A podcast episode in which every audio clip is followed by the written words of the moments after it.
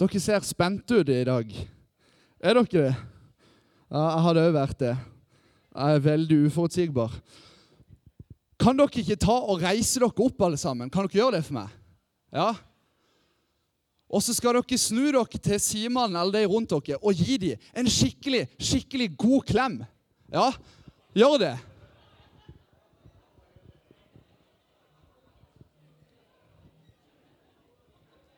Ja, så herlig. Dette er godt å se.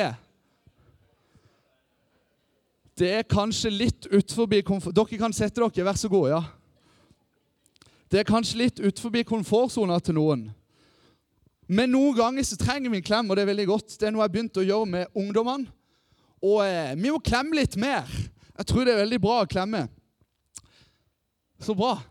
Til dere som aldri har sett meg før, eller som ikke kjenner meg eller har hørt om meg, eller noe, så heter jeg Jonas. Jeg er 21 år, og jeg jobber her som ungdomspastor. Og det er jeg veldig glad for. Jeg trives godt med det. Og med det så har jeg lyst til å be. Kan vi det? Be sammen med meg. Kjære allmektige Far. Takk for denne søndagen. Takk for at eh, vi kan feire din dag sammen. Jesus, takk for det at du har lagt noe på mitt hjerte som ligger nært, som ligger personlig, og som ligger nært hos deg òg. Takk, Gud, for det at du har forberedt en preken her i dag som kan berøre menneskets liv. Og takk, Gud, for det at det er du som rører med menneskets liv. Bruk meg som en høyttaler for din veldige kraft. I Jesu navn. Amen. Så bra. Har dere det fint? Ja, noen har det fint. Lista misjonskirke, har dere det fint? Ja, så bra. For dere som har vært i narkose, så skjønner dere hva jeg mener når jeg sier ti, ni, åtte, sju, seks Sant? Dere er med meg. Det er noen som har vært i narkose. Det blir helt svart, og du henger ikke med. Grunnen til at jeg har vært i narkose, var for jeg måtte operere tommelen fordi at jeg skulle tøffe meg litt for noen jenter på bibelskole for et par år siden. Og det gikk ikke så bra. Når jeg våkna opp fra narkose eller Jeg husker jo ikke så mye, men jeg, jeg husker at jeg lå der og tenkte Wow! Hva er det som skjer her? Og så husker jeg at jeg så en sykepleier som jeg kjente. og Visste ikke at hun jobba der. Hun går i Randesund misjonskirke og er en fantastisk dame. Og Hun fortalte meg litt om det vi snakka om mens hun våkna opp der. Og det er jo helt krise. Men hun, hun fortalte det, hun husker at jeg spurte hele tida hvorfor er jeg her. Hvorfor er jeg her? Hvorfor er jeg her? Og jeg er kanskje, jeg er kanskje fire år i hodet. Mange, mange sier at jeg er veldig barnslig, og det er jeg. Og på fredag så fikk jeg på nytt oppleve det å være litt barnslig og stille spørsmålet hvordan i all verden havna jeg her? Og hvis denne kan virke, så hadde jeg blitt så sjeleglad. I, I Jesu navn. Ja! Yes! Jeg er konge. For på fredag Jeg vet ikke hvor godt er, dere ser dette her. Så tenkte jeg Hvordan i all verden havna vi her? Vi skulle bake julekake, og som du ser, det er mel overalt. Og det er kaos. Og Hvis du kom inn her i dag, så så du kanskje det var noen sånn hvite flekker på asfalten på utsida. Ja, det er mel. Det var ungdommene. Og det var helt konge. Det var, det var så herlig å gå sammen med dem. Men når jeg kom ned og så det synet der, det er kaos ute i kafeen der ute, så tenkte jeg med meg sjøl Hvordan havna vi her? Og jeg er kanskje litt barnslig og jeg stiller kanskje mye spørsmål. Men det at jeg er det, har noen gode med seg òg. Det at jeg er litt barnslig, det gjør at jeg har lettere for å få venner. For har dere lagt merke til det, hvordan barn er litt frimodige på det med å bare gå og snakke med nye mennesker? Og det gjør òg at jeg lærer veldig mye, fordi at jeg stiller utrolig mange spørsmål til ting. Og dette får staben erfare smertefullt. Fordi at jeg stiller spørsmål til nesten alt. Hvorfor gjør vi det? Hvordan kan vi gjøre det? Hvorfor spiser vi kjøttkake til middag i dag, pappa? Hvorfor, hvorfor er tallerkenen hvit? Hvorfor er himmelen blå? Hvorfor har du så lite hår på hodet, egentlig? Her er det noen som kjenner seg igjen med de spørsmålene? Ja. Og sånn er litt bare med Hvorfor driver vi gudstjeneste? Gjør vi søndagsskolen godt nok?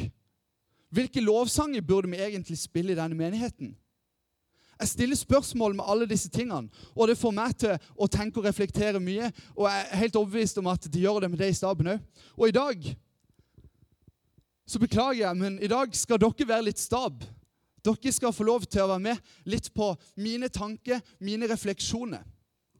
Og Vi skal snakke om gudstjeneste. Og Jeg stilte et spørsmålstegn bak fordi det blir så utrolig mye mer eksotisk med det spørsmålstegnet. Er dere enig i det? det er sånn, Gudstjeneste. Hmm. Istedenfor at ja, vi skal snakke om gudstjeneste. Og dette her gleder jeg meg veldig til. For hvorfor kom du her i dag? Jeg så en tale i gang med to, en, en, pastor i kjempestor kirke som satt med en, med en kirkefremmed. Og så spør han hvorfor kommer der 20 000 mennesker i kirka di hver søndag. Det er en stor kirke. Men hvorfor er det 20 000 mennesker som samles i dine kirkebygg hver søndag? Og Det fikk meg til å begynne å tenke, og jeg har ikke klart å riste det. Hvorfor sitter du her i dag?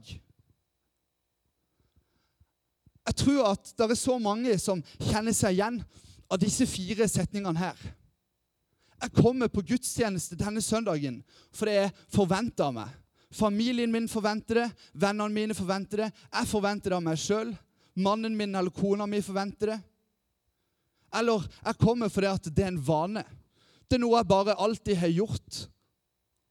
Jeg kommer for barna mine, for å sende dem på søndagsskole for at de skal få en god oppdragelse. Eller jeg kommer fordi at det er sånn jeg har blitt oppdratt. Og jeg vil bare si det, jeg er sjeleglad for å se så mange her i dag. Jeg er utrolig takknemlig for å se dere. Men før dere kom inn i dag, eller i går eller i forgårs, tenkte dere over hvorfor skal jeg gå på gudstjeneste på søndag? Eller går vi bare jevnlig på grunn av en av disse fire? Jeg har måttet jobbe med meg sjøl for å virkelig kunne si at hver søndag jeg er her, hver fredag jeg går på Alfred, ungdomsarbeidet vårt, så kommer jeg for å tilbe Gud sammen med mitt fellesskap. Jeg kommer for å løfte opp Han som jeg har satt først i mitt liv. Og dette er ikke noe som vi kan bestemme oss for en gang, og så skjer det hver gang. Nei, for det at vi, jeg tror vi mennesker vi er litt vanedyr. Vi har tendens til å forsvinne tilbake igjen til at det blir en vane. Det er forventa, det er noe jeg gjør. Så hver lørdag kveld så har jeg en lapp hjemme hos meg. På mitt, Jeg har ikke nattbord, men jeg har et bord i hvert fall. På, på rommet. Ja, det er helt herlig, det bordet. Og så har jeg en lapp der der det står 'Husk å be for gudstjeneste' og for deg sjøl. For det at jeg ønsker, når jeg kom inn her klokka 11 på den dagen som er hellig, på Guds dag, avsatt til å hvile, avsatt til å tilbe, så ønsker jeg å være en del av det. Jeg ønsker å ta del i det med den hensikten som det var tiltenkt. Og Kan du ikke gi meg litt respons her? Kan du nikke litt hvis du kjenner deg igjen litt av de fire første? Jeg regner med det blir stille, for det var sinnssykt bra, det jeg sa nå.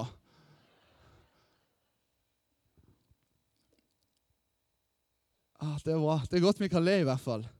Mange av dere Rune talte og det er en stund siden, men om en trikant. Opp, inn og ut.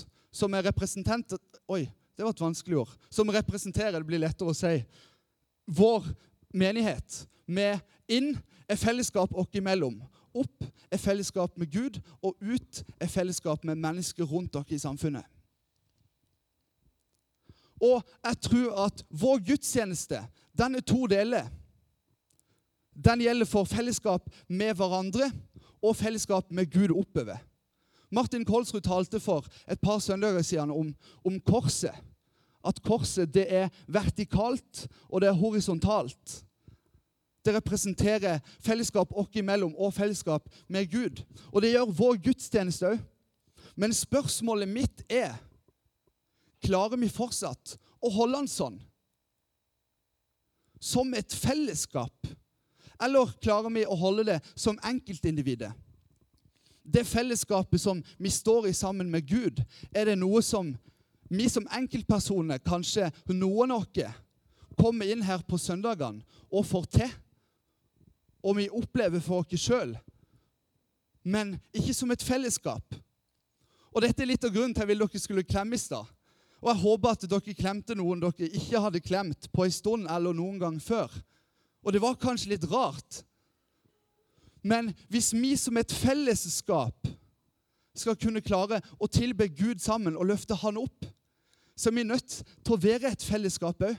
Vi er nødt til å knytte relasjoner sammen, både med fysisk kontakt, men òg med vår mentale del av livet, med våre tanker, med vårt bønneliv og med våre samtaler. Og dere blir fortsatt stille, så jeg regner fortsatt med at dette er veldig bra. Ja, for det er det. Dette er så viktig. Jeg tror at vi mennesker vi er avhengige av å ha sosial kontakt med andre mennesker på en eller annen form. Når baby blir født, så er de avhengige av menneskelig kontakt for å klare å overleve. Og det er litt synd at de har testa dette og forska på dette, for det at baby har dødd av den forskningen. Men en baby som ble født, ble kun tatt i vare av maskiner de ble mata. De fikk alt de trengte av oksygen og næring. Men de overlevde ikke fordi at de ikke hadde fysisk kontakt med mennesker. Og jeg synes Dette er veldig fascinerende, for det sier meg at hvis et lite barn ikke kan overleve dette, så vi òg, når vi vokser, så er det noe i oss som fortsatt har litt den delen at vi er avhengig av å være sammen med andre mennesker. Og du tenker kanskje ja, men jeg er en introvert person. Hvis du ikke vet hva introvert og ekstrovert er, så vil jeg at du skal lese det opp. Les det opp på det. Jeg talte om entusiasme om å være introvert og ekstrovert for en liten stund siden på Menighetsweekend. Og det handler i bunn og grunn om hvordan vi lader batteriene våre best. Om vi lader de best alene, eller om vi lader de best sammen med andre mennesker. Og jeg møter så mange som skylder på det at de er introverte, og at de ikke fungerer godt sammen med mange mennesker. De liker ikke å være sentrum. De skylder det på at de ikke går i fellesskapet. Men jeg tror og opplever at når vi har fellesskap sånn som her, så er det for alle. Du kan komme her og ikke ha lyst til å snakke med noen, og det er egentlig helt greit. Du kan komme her, sette deg ned på, bak, på bakerste benk og forsvinne igjen uten å snakke med noen mennesker. Hvis du opplever at det er det sunneste og mest riktige for deg, så er det helt greit. Men jeg tror at de aller fleste her har godt av å snakke med de som kom i menigheten. Jeg jobber febrilsk med mine ungdommer. Jobber med dem for å prøve å inkludere dem i resten av menigheten. Inkludere dem her i gudstjenesten sammen med vår familie for at de skal være en del av fellesskapet. For realiteten er den Dette spørsmålet stilte jeg staben. Hvor mange her i menigheten kjenner de som er hovedledere i de forskjellige tjenestene i ungdomsarbeidet? Hvis jeg hadde fått de seks personene opp på scenen her, hvem hadde visst hvem de var? Hvem hadde hilst på dem? Hvem hadde kjent dem? Sannsynligvis ikke veldig mange, fordi at ungdomsarbeidet vårt klarer ikke å bli integrert i det fellesskapet, sånn som jeg håper er sunt for menigheten. Kanskje det bringer litt mel eller litt kaffesøl eller et eller annet ut i kafeen. Eller kanskje Gud forby et vannglass som velter inn i møtesalen. Men jeg tror at vi er nødt til å være fellesskap. Når jeg ser barna her sant, som sitter og koser seg og smiler og ler og reiser seg for å danse når Be hver dag kommer inn, så blir jeg så glad fordi at jeg ser 80 års forskjell i alder på menneskene som er her inne. Og vi kan få lov til å synge lovsang sammen. Vi kan få lov til å synge 'Jeg kommer løpende inn til deg'. Stor er din trofasthet. Og så kan vi være sammen som et fellesskap på gudstjeneste. Og Hvis du sitter her i dag og tenker gudstjeneste, hva i all verden er egentlig det? Så jeg har lyst til å si at Gudstjeneste er noe som har vært i utrolig lang tid. Gudstjeneste det kan vi lese om helt tilbake til Moses, som lovte israelsfolket under fangenskap at de skulle ha gudstjeneste i ørkenen, fri fra egypterne fri fra fangenskap. Og Jeg vet ikke om gudstjenesten da ble gjort likt som nå. Sannsynligvis var den veldig annerledes. Men jeg tror at det var en litt desperat gudstjeneste. For det var et folk som vandrer i ørkenen i 40 år. De er just brøt ut av et, fang, fangenskap. De brøt ut av et land fra et folk som har holdt de fanga, som har torturert de og brukt de som slave. Og så vandrer de rundt i det varmeste, tørreste delen av verden. Og så velger de allikevel å sette av en dag til å prise Gud. Det er rått. Og vi er så heldige at Jesus og Gud i treenigheten de jobber litt på lag. For det at Gud han skapte som jeg sa, en hviledag. Den sjuende dag så, så Gud alt arbeidet han hadde gjort. Og Han var fornøyd med det, og så hvilte han. Og så kommer Jesus noen tusen år seinere, og så står han opp på søndagen, som er spiren til hvorfor vi har gudstjeneste på søndag. Jo, fordi at Jesus sto opp da. Og Det passer så godt at de to er sammen, og at Norge følger at vi får ha hviledag på søndag. For at vi kan komme her sammen og feire noe. Jeg leste opp, jeg søkte opp gudstjeneste og kom inn på Den norske kirke sin beskrivelse av gudstjeneste. Og jeg likte utrolig godt det jeg leste. For Den norske kirke skriver 'Hvorfor feirer vi gudstjeneste?' Og Det fikk meg ut til å tenke, som den fireåringen jeg er. Feirer vi fortsatt gudstjeneste? Eller har vi gudstjeneste? Vi kommer her, og så sitter vi og hører, og så tar vi det innover. Og så er det så utrolig flott og prektig, alt det pastoren deler og forkynner.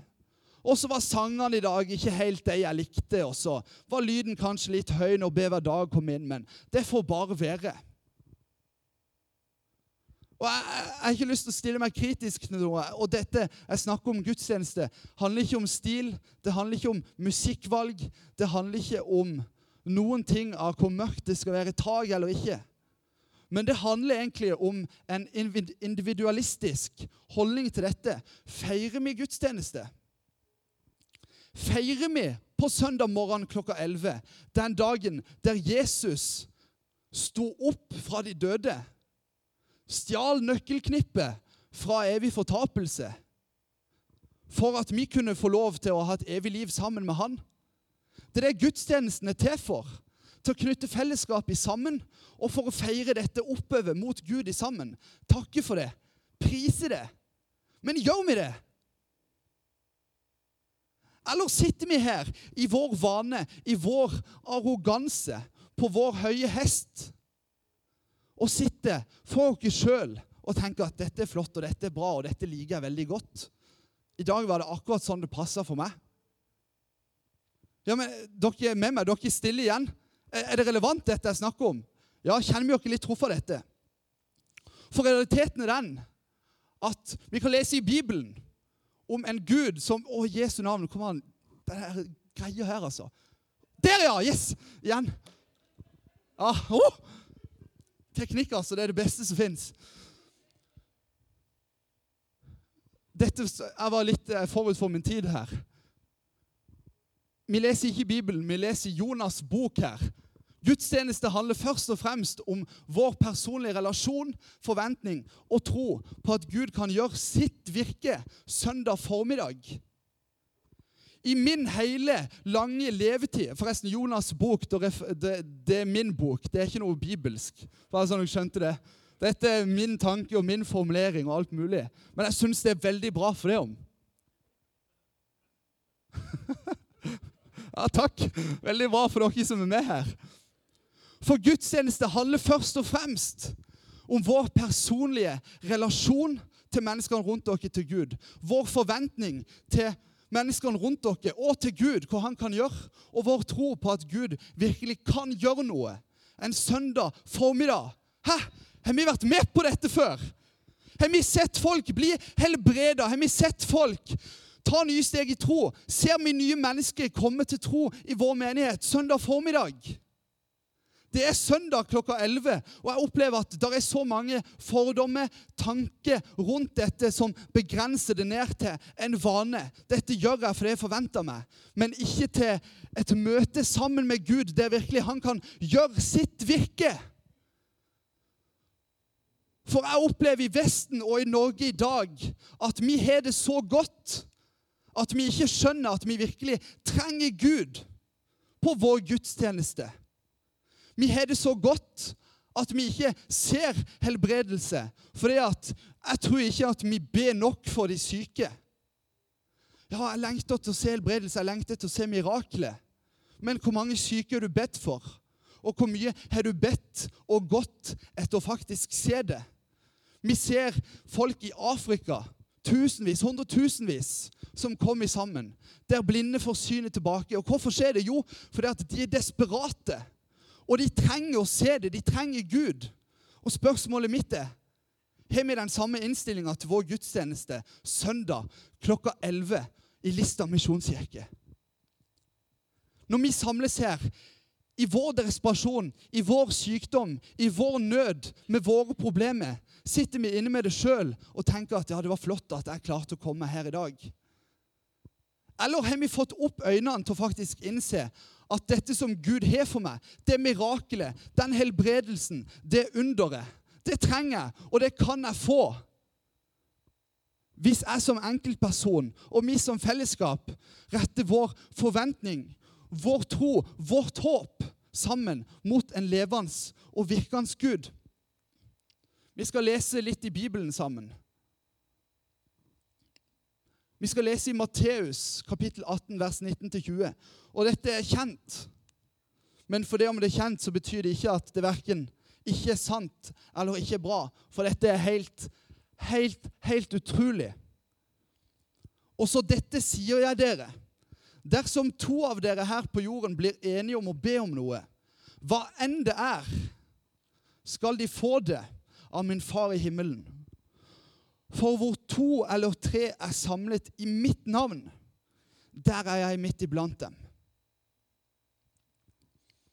Vi leser at hvis vi går sammen to stykker og ber om noe, så skal vi få det.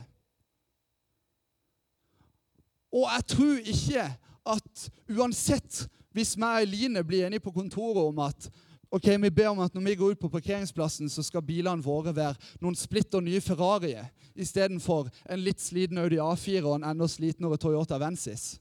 Sant? Men jeg tror at når vi går sammen to eller flere og ber om noe, så svarer Gud på den bønnen konkret. Kanskje ikke akkurat som vi har lyst til eller som vi vil, men jeg tror at Gud svarer på den bønnen. Og noen ganger så får vi se et under og en helbredelse. Noe som får meg til å tenke Wow, skjer virkelig dette? Og noen ganger så gjør vi ikke det. Og det er et veldig vanskelig og et veldig stort spørsmål. Og jeg kan ikke svare på hvorfor det er sånn. Men det hindrer oss ikke i å faktisk ta steget i å begynne å be. Og ta steget og bli bedt for. Og trå ned fra den litt høye hesten vi sitter på, og gå fram til forbønn her. Fordi at jeg ser mennesker her i dag som er akkurat som meg. Full av feil og mangler. Syke på en eller annen måte. Desperat og i trengsel etter hva Gud har for vårt liv i sammen. Og Jesus sier òg hvor to eller tre er samla i mitt navn. Når vi er samla i hans sitt navn, når vi er samla på gudstjeneste, så er han midt iblant dem. Og Den hellige ånd er her nå. Jesus, Den hellige ånd, Gud Faderen eller den mektige, treenigheten, har forberedt denne gudstjenesten i dag for at vi som sitter her, kan ta imot det Han har for oss. Men sitter vi som tilskuere, eller sitter vi som deltakere? Jeg hørte et utrolig bra bilde en gang. Og det er for dere som er litt på sosiale medier og Instagram og denne biten. Og på Facebook òg så går det an å følge mennesket. Det går an å trykke på en knapp der det står 'følger'. Og Når du gjør det, så kan du se alt de gjør. Du får med alt. Alt de oppdaterer. Alle bildene de legger ut fra middag på Mallorca og ligge på stranda og kose meg og sykkeltur med pappa og alt mulig. sant? Og det er helt flott og det er helt konge å gjøre det.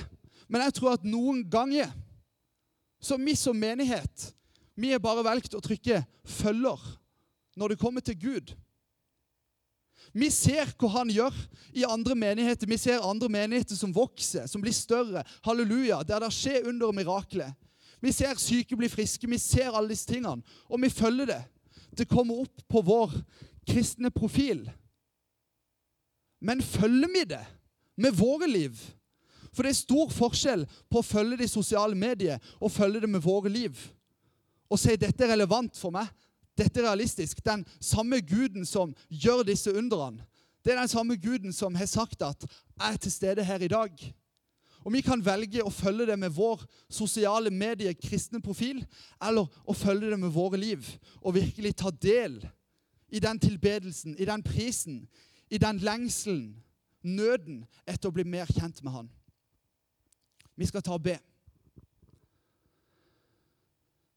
Kjære Jesus. Takk, Jesus, for det at du er god. Takk for det at du er virkelig, at du er sann. Du er tro mot ditt ord. Du er tro mot det du sier når du har lovt dere å være sammen. Sammen med oss. Når vi går to eller tre samla i ditt navn, så er du der, Jesus. Takk for det at du er her nå. Takk for det budskapet som du har levert igjennom meg. Jeg ber deg, Jesus, om at de som sitter her i dag, må virkelig åpne sine hjerter for hva du har å si. Jesus, jeg vil be helt spesifikt nå for de menneskene som sitter her i dag, som kjenner at jeg har noen ting i mitt liv som jeg sliter med. Jeg har noen ting i mitt liv som verken lege eller doktor eller noen andre, psykolog eller familieterapeuter kan fikse. Jesus, jeg ber for deg som sitter og kjenner på at det er noen sår som trenger å leges. Jesus, kall på deg sine hjerter nå og ta imot deg sin overgivelse, sin lengsel, sin nød etter å bli mer kjent med deg. I Jesu navn. Amen.